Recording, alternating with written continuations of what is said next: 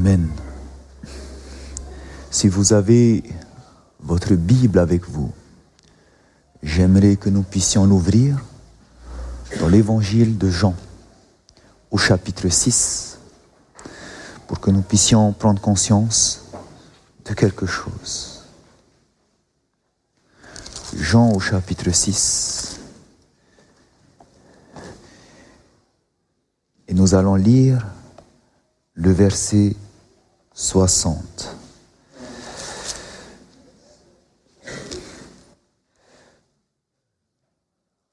Lorsque Jésus discutait avec les Juifs, lorsqu'il parlera du chemin à suivre, que Jésus était ce pain qu'il fallait manger, dans Jean chapitre 6 au verset 60, il sera écrit ceci. Plusieurs de ses disciples, après l'avoir entendu dire, Cette parole est dure, qui peut l'écouter? Qu'est-ce qui va se passer au verset 66 On nous dit, dès ce moment, plusieurs de ses disciples se retirèrent et ils n'allaient plus avec lui. Frères et sœurs, pour comprendre ce texte plus clairement, je vous invite à lire ce que l'Esprit de prophétie a écrit dans le livre Jésus-Christ à la page 282 parce que vous allez comprendre que une foule de personnes suivaient Jésus, parce qu'il faisait des miracles, parce qu'il pensait que ça allait être celui qui allait faire que Israël allait reprendre la domination. Mais au moment où ils vont comprendre que suivre Jésus, il faut y avoir un renoncement, un renoncement à ses ambitions. Au moment où ils vont comprendre que ce n'est pas facile, à ce moment, cette foule de disciples va laisser Jésus. Aujourd'hui, qui est-ce que nous sommes? Est-ce que nous sommes simplement des disciples qui suivent Jésus parce que c'est sabbat, on vient tous ensemble? Ou est-ce que nous voulons suivre Jésus jusqu'à renoncer à soi-même et c'est ce que nous allons voir ce soir. Vous allez voir que Dieu, aujourd'hui, alors qu'il appelle son peuple à se réveiller, il nous demandera également de renoncer à soi-même. Mais quand il dit de renoncer à nous-mêmes, ce n'est pas pour nous faire du mal. C'est parce qu'il sait que c'est la meilleure chose que nous puissions faire pour pouvoir arriver un jour auprès de lui. Et aujourd'hui, dans notre préparation, Dieu va nous donner un outil. Et ça sera notre thème de ce matin. L'outil essentiel à notre préparation. Hier, nous avons vu que nous ne pouvons pas vivre la foi indispensable en ce temps-ci si nous n'avons pas compris le sujet du sanctuaire. Nous avons passé hier un moment à parler de ce qui s'est passé au sanctuaire, au travers des services, aussi au travers des fêtes qui se faisaient. Et nous avons vu que ce que faisait Israël, selon 1 Corinthiens chapitre 10 verset 11, ce sont des exemples pour nous qui sommes arrivés à la fin des temps. Nous avons vu que nous sommes arrivés à une époque à une époque où nous sommes arrivés au grand jour des expiations. Parce que depuis 1844, Jésus est en train de faire cette œuvre de jugement dans le lieu très saint. Et nous avons vu de quoi il s'agit exactement. Jésus actuellement est devant ces livres qui sont ouverts. Et il est en train d'effacer les péchés de son peuple. Mais pas n'importe quel péché, seulement les péchés qui ont été confessés. Dieu ne peut pas nous pardonner si d'abord nous n'avons pas confessé. 1 Jean 1,9 nous dit que c'est si nous confessons nos péchés, alors Dieu est fidèle et juste pour nous les pardonner et nous purifier de toute iniquité. Pardonne, il efface si nous avons confessé. Et c'est pour ça qu'il effacera seulement ceux dont on a demandé pardon. On a dit Seigneur, pardon d'avoir commis cela. Ces péchés seront effacés. Nous avons vu que cela a commencé avec les morts. Nous avons vu l'importance de confesser parce que s'il y a un seul péché non confessé, que se passait-il? Ce péché-là nous condamne. En effet, à cause des péchés non confessés, notre nom dans le livre de vie est radié. Nos œuvres dans les livres de souvenirs sont effacées. Nous ne serons pas présents quand Jésus reviendra dans toute sa gloire pour chercher son Église. C'est pour cela qu'il est important, en tout temps, d'être prêt, car nous ne savons pas quand est-ce que la mort va nous frapper. En tout temps, je dois m'examiner tous les jours. Et nous avons vu que cela est d'autant plus important lorsque nous arrivons à la fin. Pourquoi? Parce qu'à la fin, l'appel de notre nom se fera de notre vivant. Et à ce moment-là, lorsque notre jugement va se faire au ciel, Dieu nous invite à ce qu'il n'y ait plus de péché non confessé qui continue à s'inscrire sur le livre des péchés. Autrement dit, cela voudrait dire qu'au bout d'un moment, nous devrions arrêter de pécher. Nous avons vu que c'est exactement ce que Dieu nous demande lorsqu'on arrive à la purification du sanctuaire. Que lorsque le septième ange a sonné, vous vous souvenez d'Apocalypse chapitre 10 Quand le septième ange a sonné, alors le mystère de Dieu doit s'accomplir. C'est quoi le mystère de Dieu selon Colossiens 1, 26, 27 C'est que Christ doit être pleinement en nous. Je ne vais plus continuer à pécher. Et c'est ce que nous devons avoir comme foi. Aujourd'hui, avoir cette foi où je peux me dire que si Dieu me dit, tu arrêteras de pécher, je vais le faire, je crois ce que tu vas dire. Et c'est ce que nos pionniers croyaient et enseignaient, cette victoire sur le péché. L'esprit de prophétie nous dit par exemple dans Tragédie des siècles, à la page 461, que ceux qui vivront sur la terre, qu'on cessera dans le sanctuaire céleste, l'intercession du Seigneur devront subsister sans médiateur en la présence de Dieu.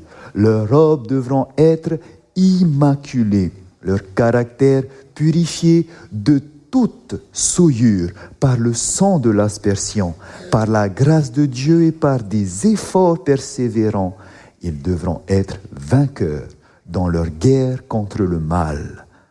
Pendant que le jugement s'instruit dans le ciel et que les fautes des croyants repentants s'effacent des registres célestes, il faut que sur la terre, le peuple de Dieu renonce définitivement au péché. Voici notre devoir aujourd'hui. Comment renoncer définitivement au péché? Parce que beaucoup se disent, c'est impossible, Seigneur. vous allez voir que tout est possible et que Dieu va nous expliquer même comment le faire. C'est le pourquoi de ce que nous allons voir aujourd'hui, cet après-midi, demain et dimanche et sabbat prochain. Mais simplement, je voudrais que nous puissions regarder la réponse déjà qu'il y a dans cette phrase. On nous dit que ça sera par la grâce de Dieu et par des efforts persévérants qu'ils devront être vainqueurs dans leur guerre contre le mal. Comment arriverons-nous à être vainqueurs sur le péché? Deux choses. Premièrement, on nous dit que c'est par la grâce de Dieu ça veut dire quoi? Que Dieu va faire sa part. Comment? Au travers de la puissance du Saint-Esprit. Dieu va nous aider. On a cette garantie que Dieu va le faire. Mais attention, il ne faut pas oublier que ce n'est pas seulement Dieu qui fait sa part tout seul. Parce qu'on nous dit à côté qu'il y a des efforts persévérants.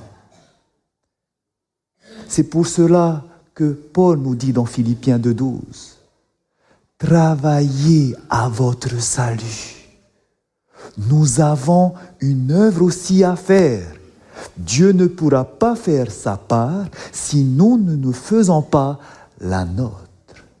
Cela ne veut pas dire que nous sommes sauvés en faisant ses œuvres. Non, frères et sœurs. Mais simplement, pour pouvoir avoir la victoire, il y a une coopération à faire. J'ai une part à faire, j'ai des choses à laisser, et Dieu ensuite fera la sienne. Ça ne fonctionne pas tout seul. Et c'est ce que nous allons apprendre aujourd'hui. Quelle est ma part à faire? Parmi ces efforts à faire, qu'est-ce que je dois faire? Aujourd'hui, nous allons voir un de ces éléments. Nous avons une part à faire. Quand on suit Jésus, Jésus n'a jamais dit que c'était facile, n'est-ce pas? Il a dit que si on veut le suivre, il faut prendre avec quoi? Avec nous quoi? Qu'on porte sa croix. Ça veut dire quoi porter sa croix? Nous aurons aussi un sacrifice à faire, vous êtes d'accord? Il y a des efforts à faire. Et avec son aide, nous réussirons à le faire. Alors nous allons essayer de comprendre qu'est-ce que nous devons faire, Seigneur. Je voudrais que nous puissions prendre un texte qui nous aidera à comprendre comment le faire. Parce que pour comprendre pourquoi on n'arrive pas à arrêter de pécher, il faut vraiment revenir à la base, comprendre qu'est-ce qui nous empêche à le faire. Et pour cela, il y a un texte qui va nous aider, qui se trouve dans 1 Corinthiens chapitre 6. Dans 1 Corinthiens chapitre 6, nous allons lire le verset 19, un texte que nous connaissons très bien. À Corinthiens 6, verset 19, il est écrit Ne savez-vous pas que votre corps est le temple du Saint-Esprit qui est en vous et que vous avez reçu de Dieu? La parole de Dieu compare notre corps à quoi? Un temple. Et nous avons vu hier Dieu avait également demandé à Israël de faire un temple, n'est-ce pas? Un sanctuaire. Si Dieu compare notre corps à un sanctuaire, à un temple, eh bien, nous avons vu que dans ce sanctuaire, dans le temple de Dieu, il y avait combien de lieux? Deux lieux. Dans un s'appelait le lieu très saint. Je vous pose la question, si vous devez comparer votre corps avec ce temple, où est-ce qui serait le lieu le plus précieux, le lieu très saint de votre corps? Amen. Ça serait là, le cerveau. En effet, regardez, la parole de Dieu nous dit dans Jean 14, verset 23, que Jésus, avec son Père, nous viendrons viendront à nous et ils feront notre demeure chez nous. Ils vont venir en nous. Mais où est-ce qu'ils vont venir en nous, le Père et Dieu? Où est-ce qu'ils veulent faire cette demeure? Eh bien, quand vous regardez, quand Dieu a dit à Moïse de faire le sanctuaire, il leur dira dans Exode chapitre 25, le verset 8, Faites-moi un sanctuaire afin que je puisse habiter parmi vous. Vous vous souvenez? Et quand Dieu va venir habiter parmi son peuple, il sera dans le sanctuaire, mais à quel endroit? Dans le lieu très saint au-dessus du propitiatoire. Et donc nous de même, Dieu veut habiter en nous, et où est-ce qu'il veut habiter? Aussi Ici. D'accord? Et c'est pour cela que dans le lieu très saint, à la base, en dessous, le propitiatoire, vous avez la loi de Dieu. Parce que qu'est-ce que Dieu veut faire en fait ici? Il veut que nous puissions faire quoi? Garder ses commandements. Et c'est cette alliance que Jésus est venu faire. Cette nouvelle alliance dont que, que Dieu va dire que je mettrai mes lois dans leur cœur, je les écrirai dans leur esprit. Le cœur dont on parle, ce n'est pas cet organe-là, hein, vous le savez. Le cœur qui est utilisé, le mot qui est utilisé en grec, c'est le siège des pensées. Où est le siège de nos pensées? Le lobe frontal. Où est-ce que Dieu veut écrire sa loi? Là. Et à la fin des temps, la parole de Dieu nous dit, Apocalypse 12, verset 17, que le dragon fut irrité contre la femme et il s'en alla faire la guerre au reste de sa postérité. Que font-ils? À ceux gardent les commandements de Dieu et qui ont le témoignage de Jésus. Que fera ce dernier peuple à la fin? Il garde quoi? Les commandements de Dieu. Si ce peuple garde les commandements de Dieu, est-ce qu'il est en train de les transgresser? On prend ce texte pour dire souvent, ben, le peuple de la fin, il doit garder tous les commandements, même le sabbat. Eh ben, nous, on garde le sabbat, mais je me mets en colère. Et Jésus dit, tu te mets en colère, c'est comme si tu avais transgressé le commandement, il dit, tu ne tueras point. On garde le sabbat, mais on a des pensées adultères. Et Jésus va dire que si tu as des pensées adultères, c'est comme si tu avais transgressé le septième commandement sur l'adultère. C'est pas ça, garder les commandements, frères et sœurs. Dieu nous dit que si nous voulons garder sa loi, il faut la garder en entier. Parce que Jacques dit que si tu transgresses un commandement, c'est toute la loi que tu as transgressée. Dieu veut que nous puissions garder les commandements. Ça veut dire, est-ce qu'on les transgresse? Ça veut dire alors qu'on les garde. Ça veut dire, est-ce qu'on pêche? Le péché, c'est la transgression de la loi.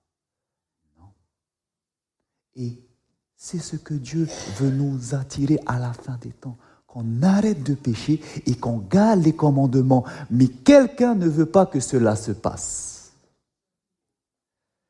Parce qu'il sait qu'arrivé à ce moment-là, qu'est-ce qui va se passer pour lui? Lorsque l'Église va se réveiller et va prendre conscience qu'il faut arrêter de pécher, à ce moment-là, la prophétie nous dit que viendra un événement où l'Église purifiée par le sang de Jésus, recevra la pluie de l'arrière-saison et qu'il terminera l'œuvre de la proclamation de l'Évangile. Et alors, Jésus revient. Et Satan ne veut pas que Jésus revienne parce que ça sera la fin pour lui. Il fait tout aujourd'hui pour que son Église s'endorme et ne comprenne pas quel est son rôle à faire. Si quelqu'un ne veut pas que l'Église se réveille, c'est bien l'ennemi. C'est pour ça qu'aujourd'hui, nous vivons dans une génération où le prince de l'air, le prince de ce monde, fait tout pour que là, ce soit embrouillé de telle sorte à ce qu'on ne garde plus la loi de Dieu. Remarquez, aujourd'hui, tout est fait pour attaquer le cerveau, les organes les plus près, les yeux. Qu'est-ce que vous voyez tous les jours? À la télé, sur Internet, les publicités, tout est souillé. Écoutez aujourd'hui les musiques. Je ne sais pas si vous vous rendez compte, mais la musique est faite pour souiller votre esprit. Les études ont montré que lorsque une musique est jouée, les fréquences vont faire vibrer des molécules d'eau qui vont prendre une certaine forme. Le corps est composé à 70% de molécules d'eau. La musique a un effet sur votre corps et surtout sur le cerveau. Les études ont montré que ça a modifié même votre caractère. Ce que vous écoutez, tout est fait pour souiller. Ce que vous voyez, tout est fait pour vous souiller. Même ce que vous mettez dans votre corps va souiller votre cerveau.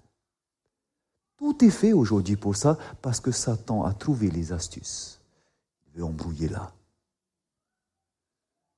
Quand on regarde les, films, quand on regarde, quand on joue aux jeux vidéo, notre cerveau est excité. On n'a plus envie de Dieu. On, veut que ça continue à exciter notre, notre, nos pensées. Tout est fait pour ça aujourd'hui, frères et sœurs. Et c'est pour cela que, quand on a compris que la cause, c'est parce que notre cerveau était attaqué, ben vous allez comprendre comment est-ce que Dieu maintenant va restaurer cela. Comment est-ce que Dieu veut que nous puissions restaurer notre cerveau pour que nous puissions maintenant commencer à garder tous les commandements de Dieu.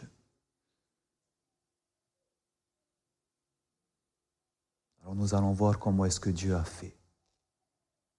Parole de Dieu nous dit dans 1 Corinthiens chapitre 10 verset 11 que ces choses ont été écrites pour nous servir d'exemple, pour notre instruction, à nous qui sommes arrivés à la fin des temps. Quand vous allez regarder à Israël, vous allez voir également que ce qui s'est passé sur eux, Dieu va le refaire pour le peuple de la fin. En effet, il se fut un moment où le peuple d'Israël était souillé, vous savez cela? Toute une génération qui n'a pas connu Dieu.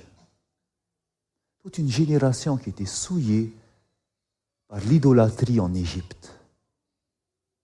Cette génération, tellement ils ont oublié Dieu que Dieu était obligé de les rappeler ensuite tout ce que, toutes les inscriptions, toutes les instructions. Donc, regardez comment est-ce que Dieu va faire pour établir cela, pour établir, pour que ce peuple garde ses commandements. Vous vous souvenez quand Dieu a fait sortir le peuple d'Égypte? Son plan, c'est de faire quoi? C'était de les amener en Canaan, n'est-ce pas? Qu'ils puissent garder les commandements de Dieu et qu'ils soient une nation qui va faire briller sa gloire. Et donc, Dieu va les donner ses commandements dans Exode chapitre 20. Vous êtes d'accord avec moi? Exode chapitre 16, c'est le moment où Dieu a fait sortir le peuple. Il fait sortir son peuple. Il veut les amener au pied de la montagne de Sinaï. Ils vont descendre vers le sud après avoir traversé la mer Rouge. Mais Dieu va les faire passer exprès par ce chemin. Pourquoi? Parce qu'il, pour qu'ils puissent garder ses commandements, il va les faire traverser le désert de Sin. C'est ce que vous lirez dans Exode 18. Et à ce moment-là, qu'est-ce qui se passe? Eh bien, excusez-moi, le désert de Sin, c'est 16. 14, il fait sortir son peuple. Arrivé dans Exode 16, il passe dans le désert de Sin, et là, Dieu va faire quelque chose qui puisse les préparer à garder ses commandements. Dans ce désert, il n'y avait plus rien à manger. Dieu va alors faire un miracle. A fait exprès pour leur donner quoi après? La manne du ciel. Une alimentation qu'ils n'avaient pas l'habitude, parce qu'en Égypte, ils mangeaient les potées de viande. Arrivés dans le désert, Dieu va les apprendre change d'alimentation pour pouvoir gardez après la loi. Et vous allez voir que ce qui s'est passé à Israël, Dieu va le refaire pour Israël spirituel. Qui est Israël spirituel à la fin des temps, frères et sœurs? Il y a une seule église, nous avons étudié, c'était l'église adventiste du septième jour, qui est aussi têtue que l'église Israël, comme vous allez le constater, aussi têtue. En effet, regardez comment est-ce que Dieu va faire. Lorsque l'Église, quand Dieu a commencé à former son Église d'Israël, il va les emmener au désert de Sin. Quand Dieu maintenant va commencer à organiser son Église, vous vous souvenez c'était quand? 1860, que l'Église adventiste va commencer à être organisée. Et ensuite, le 21 mai 1863, à ce moment, la conférence générale va être établie. Maintenant que son peuple est sorti d'Égypte, entre guillemets, où il a été rassemblé, qu'est-ce que Dieu va faire? 21 mai 1863, à peine deux semaines plus tard, le 6 juin 1863, c'est là que pour la première fois, Ellen White va recevoir cette vision au sujet de la réforme sanitaire. Pourquoi est-ce que Dieu fait ça? Parce que Dieu veut que son peuple puisse faire quoi à la fin des temps Garder tous les commandements. Dieu agit de la même façon, frères et sœurs. Et c'est ce que nous avons comme outil aujourd'hui pour restaurer la Regardez ce que l'esprit de prophétie nous dit dans Conseil sur la nutrition et les aliments. L'habitude de manger de la viande diminue les forces physiques, intellectuelles et morales. Elle introduit le déséquilibre dans l'organisme, obscurcit l'esprit et émousse le sens moral tout sera émoussé ici. Ce n'est pas simplement la viande quand on parle de la viande de bœuf, mais regardez de ce qu'on parle quand on parle de viande. On nous dit, le Seigneur voudrait amener son peuple à ne plus toucher ni consommer la chair d'animaux morts. Les animaux qu'on consomme, il y a la viande, le poulet, le poisson, Ce sont des animaux morts. Et Dieu aimerait que nous puissions faire quoi? Il aimerait amener son peuple à faire quoi? À ne plus consommer. Et c'est là maintenant qu'on se dit, est-ce que je vais faire comme Israël qui était têtu et quand ils ont vu ça, non, ramène-nous vers l'Égypte. Est-ce que c'est ce que nous voulons faire alors que nous arrivons bientôt à la Canaan? Ou est-ce que je dis, Seigneur, tu nous amènes à Canaan et tu me dis de laisser ça, c'est pour une bonne cause. Et donc je tiens ta main je dis, allez, aide-moi. C'est Dieu qui aimerait faire ça, c'est pas les responsables de la santé. C'est Dieu qui aimerait amener son peuple à ne plus toucher la chair animale. Pourquoi? Continuons. Dans peu de temps, le lait de vache devra également être exclu du régime de ceux qui gardent les commandements de Dieu. Dans peu de temps, on ne pourra plus consommer aucune chose qui provienne de la création animale. Ceux qui prennent Dieu au mot et obéissent à ses commandements de tout leur cœur seront bénis. Vous allez voir que quand vous allez faire ça, vous serez bénis. Parce que c'est ce qui s'est passé pour moi. Dieu m'a beaucoup béni. Parce que je voulais suivre ce qu'il m'a dit, parce que je sais que c'est le meilleur pour moi. Et en faisant cela, je ne l'ai pas fait pour être sauvé, parce que je suis déjà sauvé, je l'ai fait parce que Dieu veut le meilleur pour moi et qu'il veut me purifier totalement afin que je sois un sacrifice vivant, parfait, saint et agréable devant mon Seigneur. Je l'ai fait et Dieu m'a béni. Il m'a béni complètement. C'est pour ça qu'il est important de comprendre dans quelle époque nous vivons pour savoir ce que Dieu veut maintenant. Et là maintenant, le pas à faire, eh bien Seigneur, puisque tu me demandes d'avoir la victoire sur le péché, si ça peut m'aider à rétablir ma connexion, alors me voici, aide-moi. Parce qu'on nous dit aussi que si notre appétit n'est pas contrôlé par un esprit sanctifié, si nous ne sommes pas sobres dans le manger, dans le boire, notre corps et nos esprits malades ne nous permettront pas d'étudier la parole de Dieu et d'apprendre dans les Écritures comment hériter de la vie éternelle. Vous avez tous vu ça, que si on n'est pas sobre dans le manger et dans le boire, si on mange trop, si on mange n'importe quoi, qu'est-ce qui se passe? On n'arrive plus à étudier la parole de Dieu. C'est pour ça que ceux qui ont trop mangé ce matin, merci Seigneur, il y a eu un petit temps entre le moment où vous avez mangé, c'est un petit peu plus clair vous allez voir que certains, après manger, eh ben, ils n'arrivent plus à étudier, on est fatigué, les yeux qui tombent. Mais c'est normal, c'est physiologique. C'est physiologique. C'est pour ça qu'il faut être sobre dans ce qu'on prend. Voici une étude qui nous dit, dans le scientifique américain, accro au gras, l'excès de table pourrait altérer le cerveau autant que les drogues dures. On est content, on ne fume pas cannabis, on ne prend pas de drogue. frères et sœurs, quand vous mangez trop, vous êtes en train d'attaquer là. Comme si vous avez fumé un joint. C'est la même chose. Vous rigolez, mais c'est ce qu'on fait. Alors maintenant, posez-vous la question. Satan veut attaquer là, et je suis en train de l'aider à attaquer là. Voici ce qu'on fait littéralement. C'est bien de comprendre. Il faut comprendre. Ce n'est que comme ça qu'on peut réformer notre vie. Ce n'est pas seulement la quantité. Il y a la quantité, c'est important. Il y a aussi la qualité des choses que vous allez manger. Regardez, cette étude du Washington Post nous dit ceci ce que ce que nous mangeons peut affecter notre santé mentale De nouvelles recherches ont montré la relation entre l'alimentation et la pensée. Je ne sais pas si certains d'entre vous ont vu ce documentaire sur Arte. Quand on parle du cerveau, nous savons que c'est ici et qu'il y a des neurones. Maintenant, on a trouvé des neurones ailleurs. C'est pour ça qu'on nous dit que le ventre et notre deuxième cerveau parce qu'on les a trouvés ici.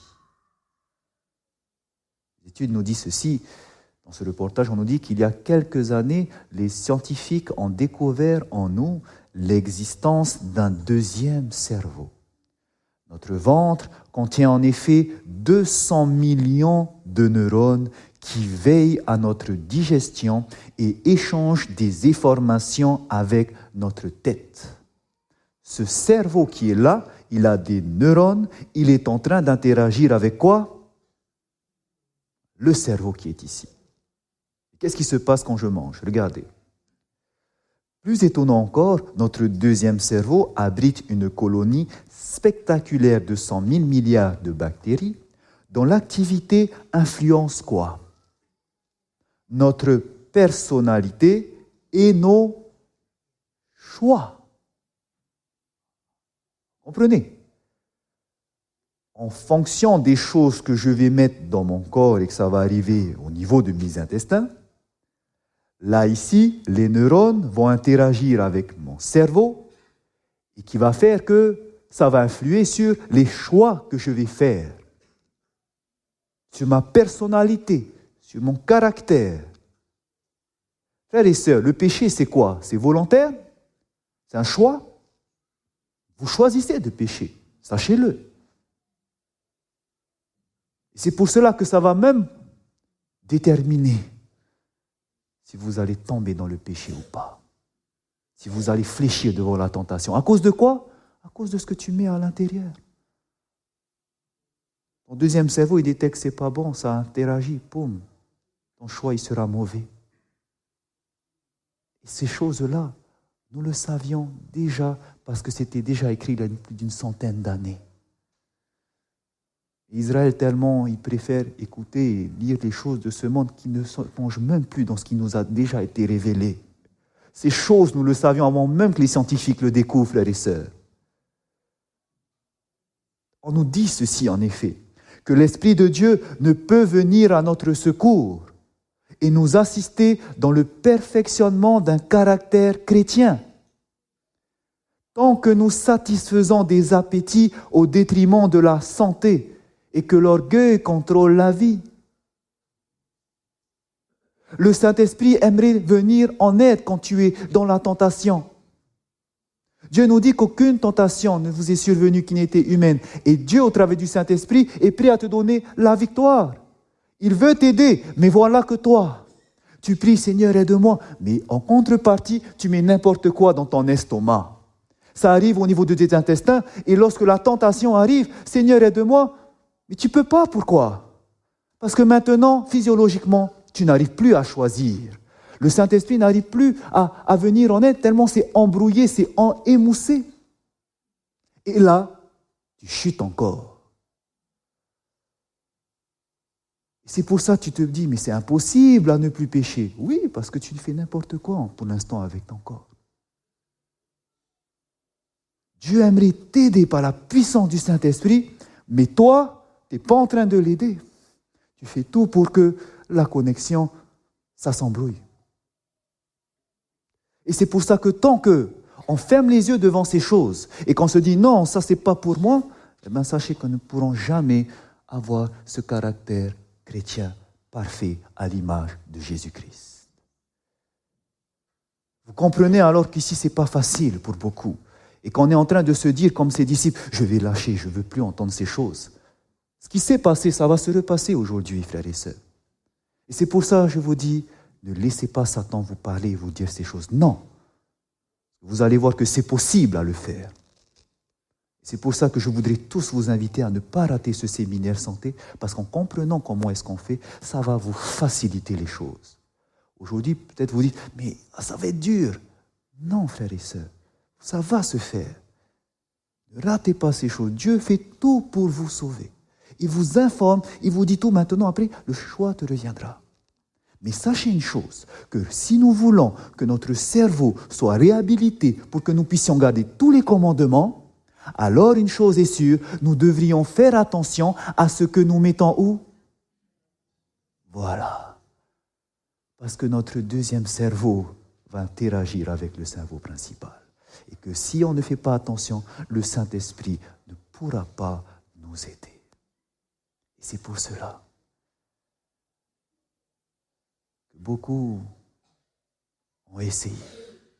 Beaucoup veulent ne plus pécher, mais on retombe dans la tentation. On tombe. Comment est-ce que Dieu va faire, frères et sœurs? Regardez l'astuce. Le livre Tempérance, page 12, paragraphe 2 nous dit que notre faiblesse devant la tentation et le péché est en grande partie déterminée par notre alimentation. Nous avons compris cela. Pourquoi on tombe? C'est parce qu'on met n'importe quoi et que ça interagit ici et que j'ai plus la force de le faire. ma communication au Saint-Esprit est bloquée. Il n'arrive plus à m'aider. Alors, on nous dit également que la puissance de l'appétit causera la perte de milliers d'hommes, alors que s'ils avaient eu la victoire à cet égard sur l'appétit, ils auraient eu la force morale de triompher de quoi? De toutes les autres tentations de Satan. Comprenez bien ceci. Si j'arrive à avoir la victoire sur l'appétit, je pourrais avoir la victoire sur quoi? Toutes les autres tentations de Satan. Autrement dit, si vous voulez ne plus tomber quand vos tentations arrivent, vous repêchez, si vous voulez plus recommencer, où est-ce qu'il faut se focaliser en premier? D'abord sur l'appétit. Quand vous aurez la victoire dessus, alors vous aurez la victoire sur toutes les autres tentations. Voici pourquoi la réforme alimentaire est tellement importante pour nous qui vivons au temps de la fin. Ce n'est pas pour rien que Dieu a donné cela à son peuple qui va proclamer le message des trois anges, parce que pour qu'il puisse le proclamer, il doit faire l'expérience d'une vie purifiée par le sang de Jésus, où on a cette victoire sur le péché. Et Dieu nous offre cette opportunité. Mettez en pratique. Et vous allez voir, tu, tu, arriveras à surmonter telle tentation qui te faisait flanchir pendant tant d'années où tu te dis c'est impossible. Maintenant que tu auras restauré, que tu feras attention à ce que tu manges, eh bien tu verras que ton esprit sera plus clair, de telle façon à ce que lorsque la tentation viendra, le Saint-Esprit t'aidera à le faire, à avoir cette victoire. Et là tu te dis, mais c'est possible. C'est possible finalement d'arriver. Et c'est comme ça que quand tu vaincras toutes ces tentations qui te faisaient fléchir, tu pourras avoir ce caractère parfait de Jésus-Christ. Voici une clé qui va t'aider à le faire. C'est pour cela qu'en conséquence, on nous dit qu'il est impossible, impossible à ceux qui cèdent à la gourmandise d'atteindre à la perfection chrétienne. Ça sera impossible à le faire. Il faut avoir d'abord cette victoire sur la gourmandise, sur l'appétit. Et Dieu va t'aider après à restaurer la relation spirituelle. Pourquoi? Regardez comment s'enchaînent les choses. On nous dit, n'oubliez jamais que les pensées entraînent quoi? L'action. Les actions répétées deviennent quoi? Des habitudes. Les habitudes vont former quoi? Le caractère. Autrement dit, si à la base tes pensées sont souillées, alors tes actions seront souillées, répétées formeront des habitudes souillées qui vont faire un caractère souillé. Mais qu'est-ce qui dirige les pensées? Qu'est-ce qui influe les pensées? Ce que tu mets à l'intérieur, ce deuxième cerveau va affecter directement tes pensées. Et c'est pour ça que si tu fais attention à ce que tu mets à l'intérieur, tes pensées seront claires. Et alors tu pourras développer ce caractère parfait. Le Seigneur va t'aider à le faire. Et elle nous dit, si nous prêtons attention aux petites choses, nous ne devons pas craindre que les plus grandes soient attachées ou corrompues si nous sommes fidèles dans les petites choses. Frères et sœurs, vous savez, c'est quoi être fidèle dans les petites choses? C'est même être fidèle dans ce que tu vas mettre dans ton corps. Dans ces petites choses. Comme Daniel a été fidèle dans les petites choses.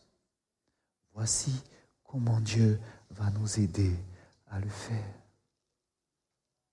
On nous dit donc, souvenez-vous que la restauration du corps prépare à la restauration de l'âme. Pour que votre corps, votre âme soit restaurée, il faut commencer à restaurer le corps. Ce n'est pas que l'alimentation, frères et sœurs. Ce n'est pas que l'alimentation. C'est un tout. Et vous allez le voir et le comprendre lors du séminaire santé. C'est un tout. Mais l'alimentation, c'est une des clés. C'est pour cela que nous dit que la réforme sanitaire dans sa globalité, toutes les lois de la santé, que ce soit l'exercice physique, prendre du soleil, de l'air pur, avoir ce temps de méditation avec Dieu pour développer sa foi, que ce soit la nourriture, le repos, tous ces éléments ensemble. La réforme sanitaire, c'est une branche de la grande œuvre qui préparera un peuple pour la venue du Seigneur. Une des branches qui va t'aider à te préparer pour le retour de Jésus, c'est la réforme sanitaire.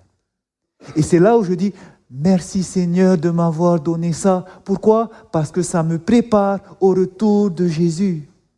Et c'est là que on comprend que Dieu est amour. Il nous donne ça pas pour nous faire du mal, mais au contraire pour nous aider. Et avec confiance, je me dis, parce que si tu dis que c'est bon pour moi, alors par la foi, je vais le faire. Pas pour être sauvé, parce que je suis déjà sauvé, mais parce que tu veux m'amener à te rencontrer, à atteindre ce caractère de Jésus pour que j'ai le sceau de Dieu et que je puisse terminer l'œuvre sur cette terre. C'est ce que Dieu veut pour chacun de nous. Et quand on comprend ça, et bien on prend la réforme sanitaire à bras ouverts. Seigneur, montre-moi maintenant comment faire. Alors je vous invite à venir à partir de lundi soir à la gaguette de Païta. Vous allez comprendre comment le faire. Ce n'est pas sorcier ces choses. Il faut juste comprendre et vous allez voir que quand vous mettez en pratique, vous allez voir que des bénédictions. Que des bénédictions. Dieu va vous aider. Maintenant alors que nous venons de comprendre que puisque nous sommes arrivés au grand jour des expiations, que Dieu que nous puissions purifier, nous préparer, eh bien, comprenez qu'il y a Satan qui ne veut pas, n'est-ce pas?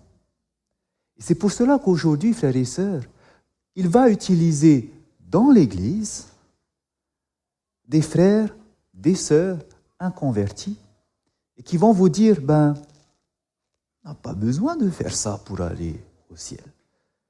On n'a pas besoin. Alors on va, et c'est pour ça que la plupart de ces personnes ne croient pas en l'esprit de prophétie.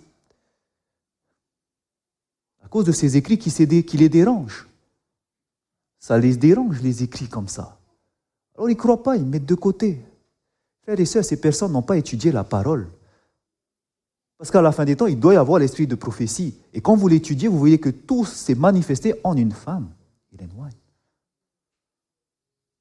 C'est pour ça qu'il faut se donner entièrement à Christ pour ne pas avoir ce genre de réflexion. Mais il y en a. Ils disent, mais non, regarde les sacrificateurs. Qu'est-ce qu'ils faisaient? Tous les jours, ils mangeaient de la chair animale. Nous sommes des sacrificateurs, donc on peut aussi manger la viande. Vous voyez, on prend la parole après pour se justifier. Jusqu'à dire, ben, regarde Jésus, il a mangé aussi du poisson à sa résurrection. Donc nous aussi, on peut manger du poisson. Vous voyez ces raisonnements? On prend la Bible pour se justifier. Vous savez que Satan s'est fait la même chose? C'est ce qu'il a fait avec Jésus. N'est-ce pas? La troisième tentation. Jette-toi du haut du temple, car il est écrit que les anges viendront et qui te porteront. Mais quand il prend la parole de Dieu, il ne prend pas tout, il prend que des petites parties pour faire tomber dans la tentation. Alors ne croyez pas en cela, frères et sœurs. Prenez la parole de Dieu dans son ensemble, l'esprit de prophétie, à la loi et au témoignage. Si on ne parle pas ainsi, il n'y aura pas d'aurore pour le peuple. Et que nous dit l'esprit de prophétie? Que nous dit la parole de Dieu? Que lorsque vous regardez l'histoire de l'Église, Dieu ramène les vérités petit à petit. C'est ce qu'on appelle la vérité présente. Dieu ne peut pas tout dire d'un coup parce qu'il sait que notre cerveau ne peut pas tout avoir d'un coup. En effet, Satan, en sachant que Jésus allait venir, vous vous souvenez dans le parvis? Le ministère de Jésus, en sachant que Jésus allait venir. Satan étudie la Bible, il connaissait les prophéties, à quel moment Jésus allait venir. Et qu'est-ce qu'il a fait? Il a préparé tout en touchant la tête d'Israël pour que le peuple ne puisse pas accueillir Jésus-Christ. Comment est-ce qu'il va le faire? Eh bien, il va tout faire pour qu'on ne reconnaisse pas que Jésus serait l'agneau qui va venir. C'est pour cela que c'était quoi le plus important à l'époque de Jésus? C'était pas il faut pas manger de poisson, il faut pas manger de viande. C'était pas ça pour que votre esprit soit. Non, c'était pas ça. Parce que ça a été souillé. On ne comprenait plus les prophéties messianiques. Quelle était le, la vérité importante à cette époque? Eh bien, c'était qu'ils puissent comprendre que Jésus était l'agneau de Dieu, qu'il devait venir d'abord crucifié sur la croix afin qu'il puisse écraser la tête du serpent. C'était ça qui était important. C'était de parler pas seulement de l'agneau, mais du baptême de repentance. Repentez-vous. C'était ça qui était important à cette époque. Mais après, nous avons étudié que pendant l'histoire de l'Église, eh ben, la vérité a été mise de côté. Et qu'est-ce qui était important à cette époque? Ce n'était pas encore d'avoir la victoire sur le péché. Le plus important, eh ben, parce qu'ils n'avaient pas la parole de Dieu, mais qui gardaient la tradition, Dieu voulait les ramener à garder quoi? Le pain qui était la parole. Parce qu'on avait des intercesseurs qui étaient des hommes qu'on appelait les pères. Dieu leur disait non, vous avez un intercesseur, un médiateur entre Dieu et les hommes, Jésus-Christ homme. Alors qu'à cette époque, on faisait une, une contrefaçon du témoignage des œuvres. On disait, il faut que tu fais des œuvres pour que tu sois sauvé. Non, Dieu voulait rétablir cela. Il voulait rétablir. Et c'est pour ça que à cette époque-là, le plus important, ce n'était pas encore de ramener la loi. Mais par contre, lorsqu'on arrive dans la fin des temps, à partir de 1844, c'est quoi qui était important là maintenant? C'est que le peuple puisse garder les commandements de Dieu que tout soit restauré. Et c'est pour ça que cette vérité n'est pas venue avant, mais que pour garder les commandements de Dieu, qu'est-ce que Dieu va apporter? La réforme sanitaire. C'est pour ça que quand vous arrivez dans le lieu très saint, vous avez quoi à l'intérieur de l'arche? Les dix commandements. Mais Dieu également a posé à côté quoi? Un pot contenant la manne. La manne qui était ce moment où Dieu a changé l'alimentation d'Israël pour qu'il puisse garder ses commandements. Et nous sommes arrivés aujourd'hui à cette époque. Et c'est pour ça qu'aujourd'hui, c'est tellement important pour nous préparer, pour nous purifier, avoir un esprit clair, afin que le Seigneur puisse nous utiliser. Et j'aimerais vous dire que non seulement ça va préparer le peuple, mais si vous regardez aujourd'hui, frères et sœurs, dans le monde, vous avez quoi? Un mouvement qui est sur la santé, n'est-ce pas? Véganisme, crudivorisme, végétalisme, végétalisme. Vous entendez ces choses? Est-ce qu'il y avait ça avant? On ne parlait pas. Mais Dieu suscite ce réveil dans le monde. Vous savez pourquoi? Parce que ça va préparer leur esprit à recevoir le message des trois anges. Dieu est en train de préparer le monde. Nous avons vu comment. Nous avons vu comment lors de cette, semaine de réveil, au travers des catastrophes, ils se posent des questions. Au travers de la crise financière qui va arriver, ils vont se tourner vers Dieu. Au travers de ce mouvement où on fait attention à notre santé pour que ces personnes préparent maintenant leur esprit. Et voilà que l'Église, quand elle sera prête, et je vous dis que ça va être bientôt, alors quand ce message va aller, le cœur sera disposé et ouvert à recevoir le message des trois anges. Je vous dis ceci parce que je l'ai vu de mes propres yeux.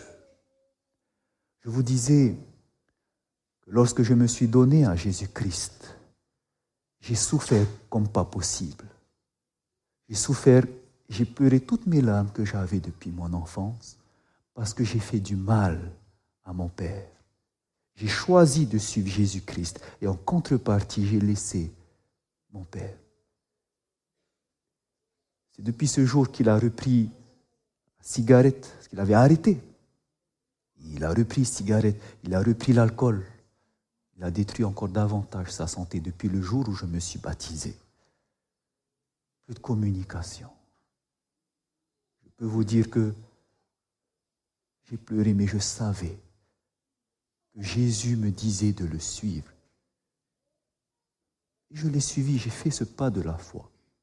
Mais depuis ce jour, vous savez que mes prières étaient dirigées chaque jour, chaque jour, vers mon Père, ma mère, mon frère, ma soeur. Parce que je veux qu'ils soient sauvés aussi. Je me suis séparé d'eux. Dieu m'a recueilli, mais je veux qu'eux aussi soient avec moi. C'est pour ça que j'ai prié depuis 2011 pour mes parents. 2011, en 2012, il y avait une campagne d'évangélisation. Et Dieu a permis que je puisse le faire. Et Dieu avait tout préparé. Ma mère était présente et elle était prête à se donner à Jésus-Christ. Parce que mon père n'était pas là, elle ne voulait pas le faire pour ne pas faire ça derrière son dos. Alors, avec ma sœur, ils ont, laissé le baptême. Je continue à prier. Il y avait d'autres compagnes qui étaient organisées. Et je demandais à Dieu, Seigneur, permets que mon père vienne écouter, qu'il soit touché. Je l'ai amené à plusieurs compagnies. Il a pu venir et j'étais content. Mais à chaque fois qu'il venait, il entendait, mais se passait rien. Et voilà que le pasteur Jean-Noël Adeline était venu en Polynésie pour pouvoir faire des campagnes d'évangélisation sur le message du des trois anges. Et je savais à l'intérieur de moi qu'il fallait qu'il entende ce message pour qu'il comprenne qu'il faut sortir de ces églises déchues. Et Jean-Noël avait parlé de ça et j'avais prié le Seigneur, Seigneur, s'il te plaît, fais que mon Père puisse venir écouter cette campagne d'évangélisation. J'ai prié, j'ai jeûné. Il était venu un soir.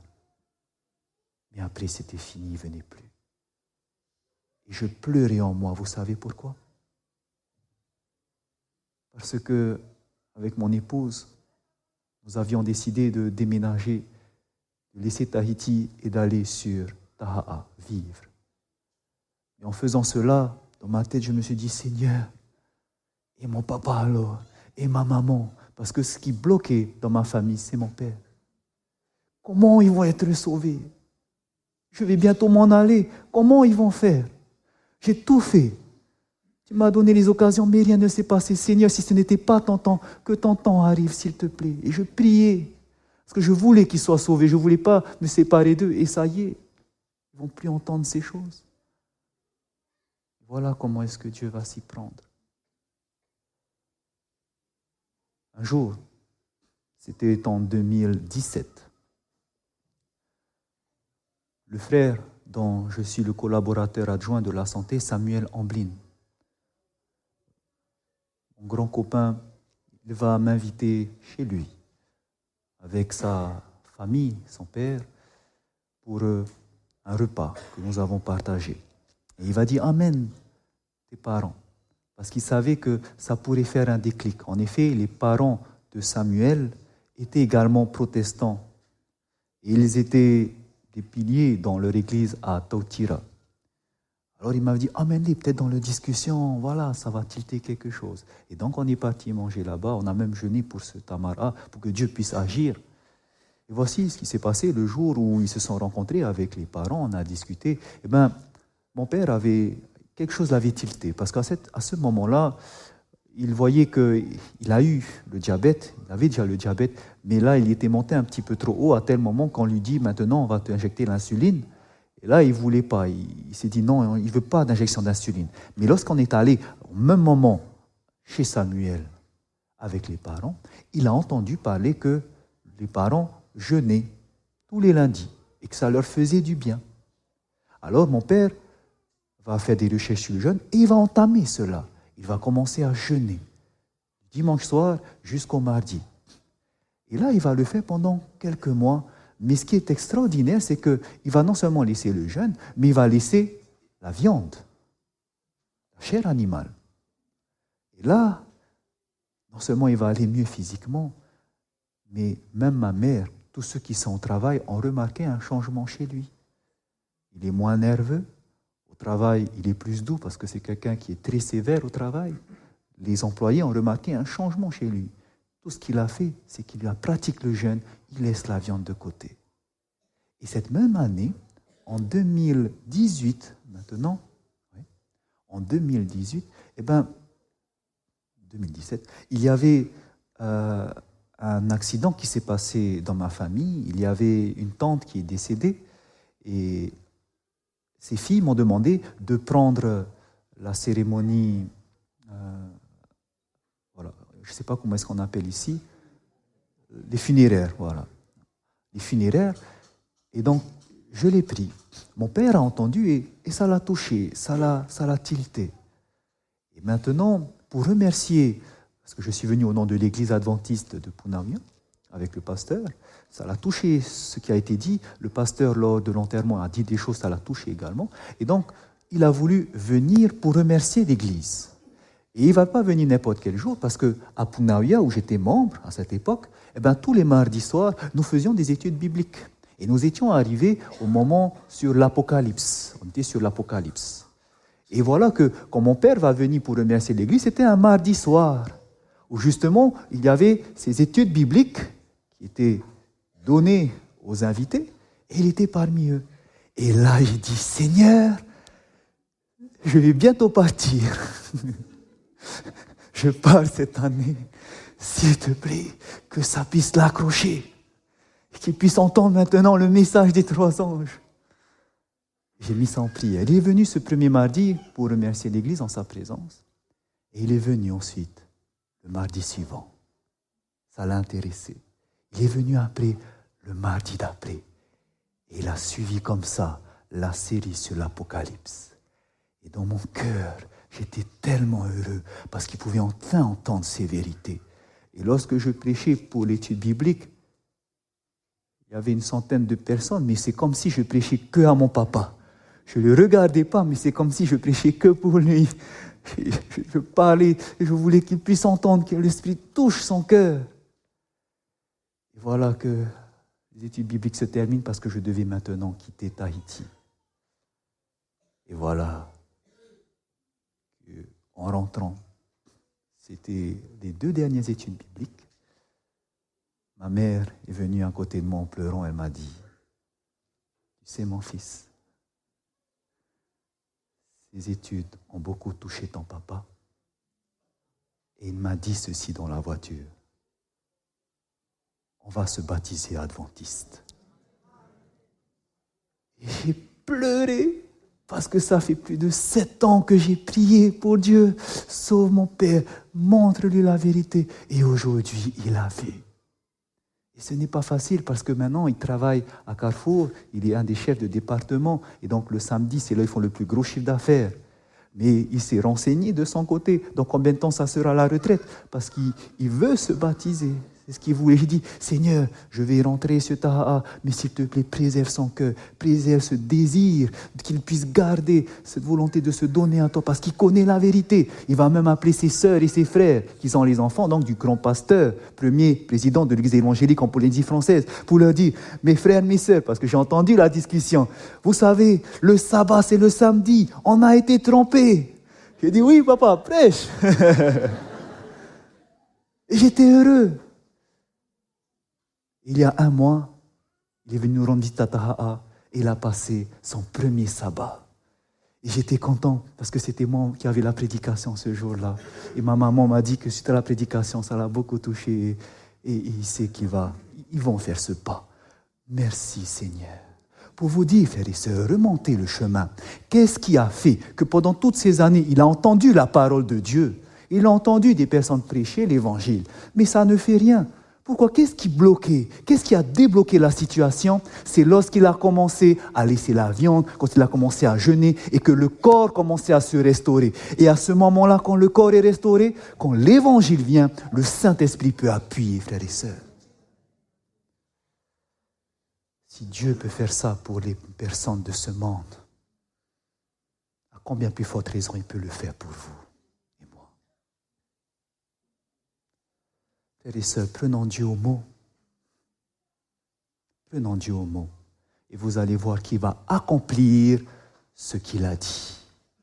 Aujourd'hui, ce qui nous empêche d'avoir cette sanctification, le plus grand obstacle, l'esprit de prophétie nous dit, sachant que la satisfaction de nos appétits est le plus grand obstacle au développement mental et à la sanctification de l'âme. C'est ça notre plus gros obstacle. Parce que l'homme est tombé avec quoi, frères et sœurs? Adam est tombé. L'homme est tombé à cause de l'appétit. Et c'est pour ça que quand Jésus va commencer son ministère, il va commencer à lutter contre quoi? Là où l'homme est tombé, l'appétit, jeûne de 40 jours. Et aujourd'hui, ce qui va empêcher beaucoup de personnes à comprendre la vérité, ça sera le problème de l'appétit. Ce qui va empêcher l'Église de comprendre leur devoir et de mettre en pratique, de se sanctifier, de se purifier, ça va être aussi l'appétit. Et c'est pour cela, frères et sœurs, aujourd'hui, prenons Dieu au mot. Parce que si nous ne le faisons pas, Dieu ne forçant pas ses enfants, eh bien, il nous laissera là où nous sommes. Il ne force personne met devant nous la vie et la mort, la bénédiction et la malédiction. Mais il te dit simplement, choisis la vie, mon enfant. Le choix te reviendra maintenant. Que vas-tu faire? As-tu confiance en Dieu? Ou as-tu confiance en cette voix qui te dit, non, ne fais pas attention à ce qu'il te dit, il ment? Nous avons vu que tout vient de la parole de Dieu. Et sachez que Satan ne veut pas. Il est en train de, de fléchir les enfants de Dieu là-dessus. Pourquoi je vous le dis ça? Regardez le piège de l'ennemi. Vous vous souvenez Vous vous souvenez de Daniel Les choses qui ont été écrites sont un exemple pour nous, surtout la vie de Daniel. Daniel, dans sa jeunesse, quand vous allez lire la méditation du 11 septembre dans le livre Dans les lieux célestes, vous allez voir que Daniel, depuis son enfance, était végétarien lorsqu'il va être enlevé pour amener à Babylone, qu'est-ce qui va se passer? Le roi va vouloir faire que ces jeunes puissent gouverner ensuite dans les nations. Et qu'est-ce qu'il va faire? Il va changer tout d'abord leur nom. Pour euh, Daniel et ses compagnons, ça ne va pas être un problème. Tu peux changer leur nom. Alors que leur nom correspondait aussi à leur caractère, vous savez. Tu peux changer, c'est pas grave. Nous savons qui nous sommes. Dieu va apprendre, va changer leur éducation. Ils vont apprendre les choses de Babylone, toutes ces choses. Mais ça ne les posait pas de problème de changer leur éducation, parce qu'ils ont été éduqués dans la parole de Dieu. Ils savent d'où ils viennent. Tu peux nous dire, c'est pas grave. Mais lorsque Dieu maintenant va vouloir changer leur alimentation, aïe, Daniel va dire, non, nous ne changerons pas. Vous savez qui pourrait mériter la mort à ce moment-là Non, ne voulons pas. Parce que Daniel savait pertinemment que ce qu'il mettait avait un impact ici. Alors il va mettre au test. Et nous savons qu'il a réussi avec succès. Dieu va, euh, Nebuchadnezzar va voir qu'il était beaucoup plus intelligent, parce qu'il faisait attention à ce qu'il mangeait. Mais regardez maintenant, à cause de cette fidélité de Daniel dans les petites choses, alors qu'il voulait garder, conserver un esprit pur, même à la cour royale, qu'est-ce qui va se passer après? Regardez, à ce moment, alors que il va être fidèle en Dieu, il va recevoir le don de prophétie. Le Seigneur va lui dire, voici l'interprétation du rêve. Parce qu'il était fidèle dans les plus petites choses, Dieu va lui révéler, au travers d'une vision, l'histoire du monde qui va se dérouler. Et alors, nous savons Lorsque Nebuchadnezzar va entendre ces choses, il ne sera pas content et voudra que son royaume dure éternellement. Il va faire une statue toute en or. Il va dresser une image. Une image devant laquelle tout le monde va se prosterner. Et s'ils ne le font pas, ça sera au feu. Frères et sœurs, est-ce que la Bible ne nous dit pas qu'un jour viendra où il nous faudra nous prosterner devant l'image de la bête?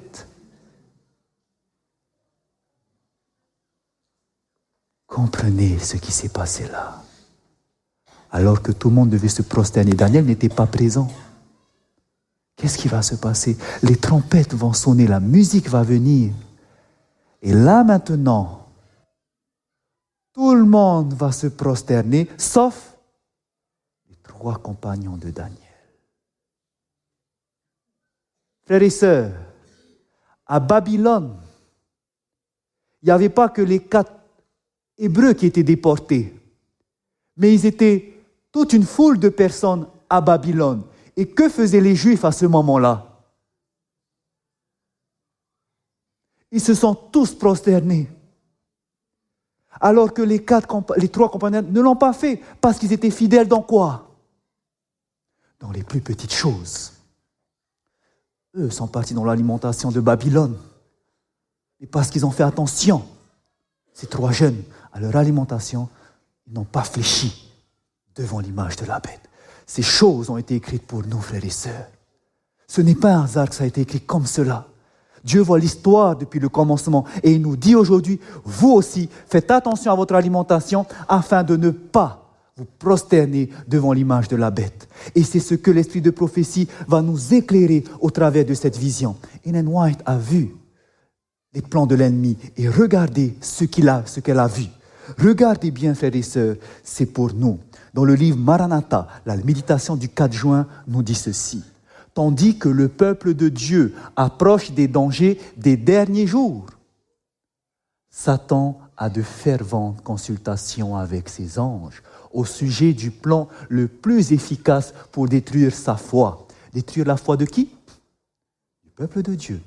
Regardez ce qu'il va faire. Suivez bien, regardez les ruses de l'ennemi.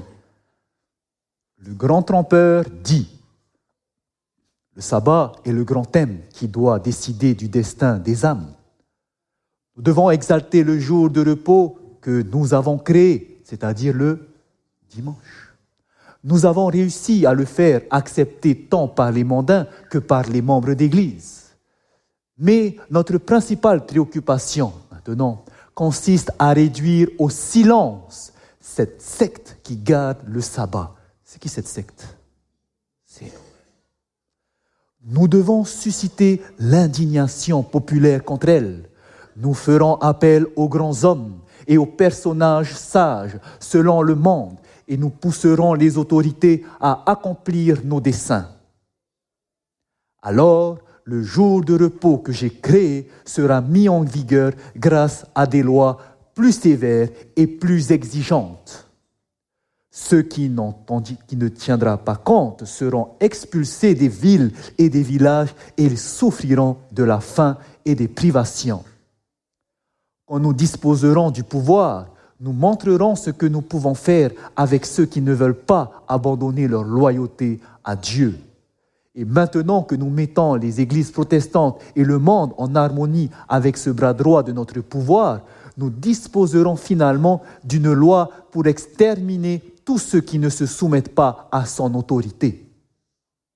Quand la peine de mort sera le châtiment appliqué pour la violation de notre jour de repos, beaucoup de ceux qui maintenant se trouvent dans les rangs des observateurs des commandements passeront de notre côté.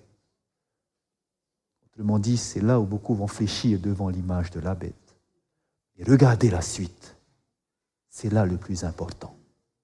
Voici ce que Satan va dire. Mais avant de recourir à ces mesures extrêmes, avant d'en arriver à cette loi du dimanche, qu'est-ce qu'il va dire? Nous devons exercer toute notre sagesse et notre subtilité pour tromper et piéger ceux qui honorent le vrai jour de repos. Nous pouvons en séparer beaucoup de Christ grâce à la mondanité, les choses de ce monde, grâce à la concupiscence, c'est-à-dire tout ce qui est fornication, pornographie, et l'orgueil. Et regardez aussi quoi? Ils pensent être en sécurité parce qu'ils croient en la vérité. Mais la complaisance de l'appétit ou des basses passions qui confond le jugement et annule la capacité de discerner les fera tomber. Avant d'arriver aux lois du dimanche, qu'est-ce qui va éliminer le peuple de Dieu? Beaucoup d'entre eux La complaisance de l'appétit. De même que pour Daniel et ses compagnons, étaient fidèles à l'intérieur. Ils ont pu résister lorsque l'épreuve ultime est arrivée. Aujourd'hui, les plans de l'ennemi nous sont dévoilés et je dis merci Seigneur de me montrer ce que je dois éviter. Et Dieu me dit, fais attention à ton appétit. Fais attention à ce que tu choisis. C'est pour ton bien que je te le dis. Et aujourd'hui, j'ai ce choix. Est-ce que je fais confiance à Dieu? Ou est-ce que je continue à regarder derrière, vers l'Égypte? Frères et sœurs, aujourd'hui, Dieu appelle ses enfants. Pas à donner simplement une partie d'eux-mêmes. Viens le sabbat, viens aux réunions de prière, sois moniteur, viens chanter. C'est pas seulement ça que Dieu veut. Il veut que vous vous donnez entièrement à lui. Parce que quand Dieu a donné son Fils, pas pour un petit peu. Il s'est donné entièrement à vous. Et si je le veux aujourd'hui, Dieu pourra m'aider à le faire. C'est vrai, on se dit c'est impossible, peut-être pour beaucoup. Mais Dieu va nous instruire comment le faire. J'ai juste à avoir confiance en Dieu et me dire, OK Seigneur, instruis-moi alors comment je vais faire. Et il va le faire et il va vous aider. Mais comme je le répète toujours, Dieu ne force personne. Aujourd'hui, il y a un choix pour chacun de vous. Est-ce que vous voulez entamer cette réforme sanitaire? Est-ce que vous voulez faire confiance à Dieu et dire, OK Seigneur, maintenant je vais essayer? Est-ce que vous voulez le faire? Est-ce que vous voulez comprendre c'est quoi la réforme sanitaire? Est-ce que vous voulez vous préparer pour cette épreuve finale? Eh ben, si vous le voulez, je voudrais tous vous inviter à venir dès lundi soir. Venez apprendre, venez comprendre comment faire. Et Dieu va bénir les efforts que vous allez mettre en place. Frères et sœurs, que le Seigneur puisse vous aider. Que le Seigneur puisse bénir l'Église en Calédonie. Amen.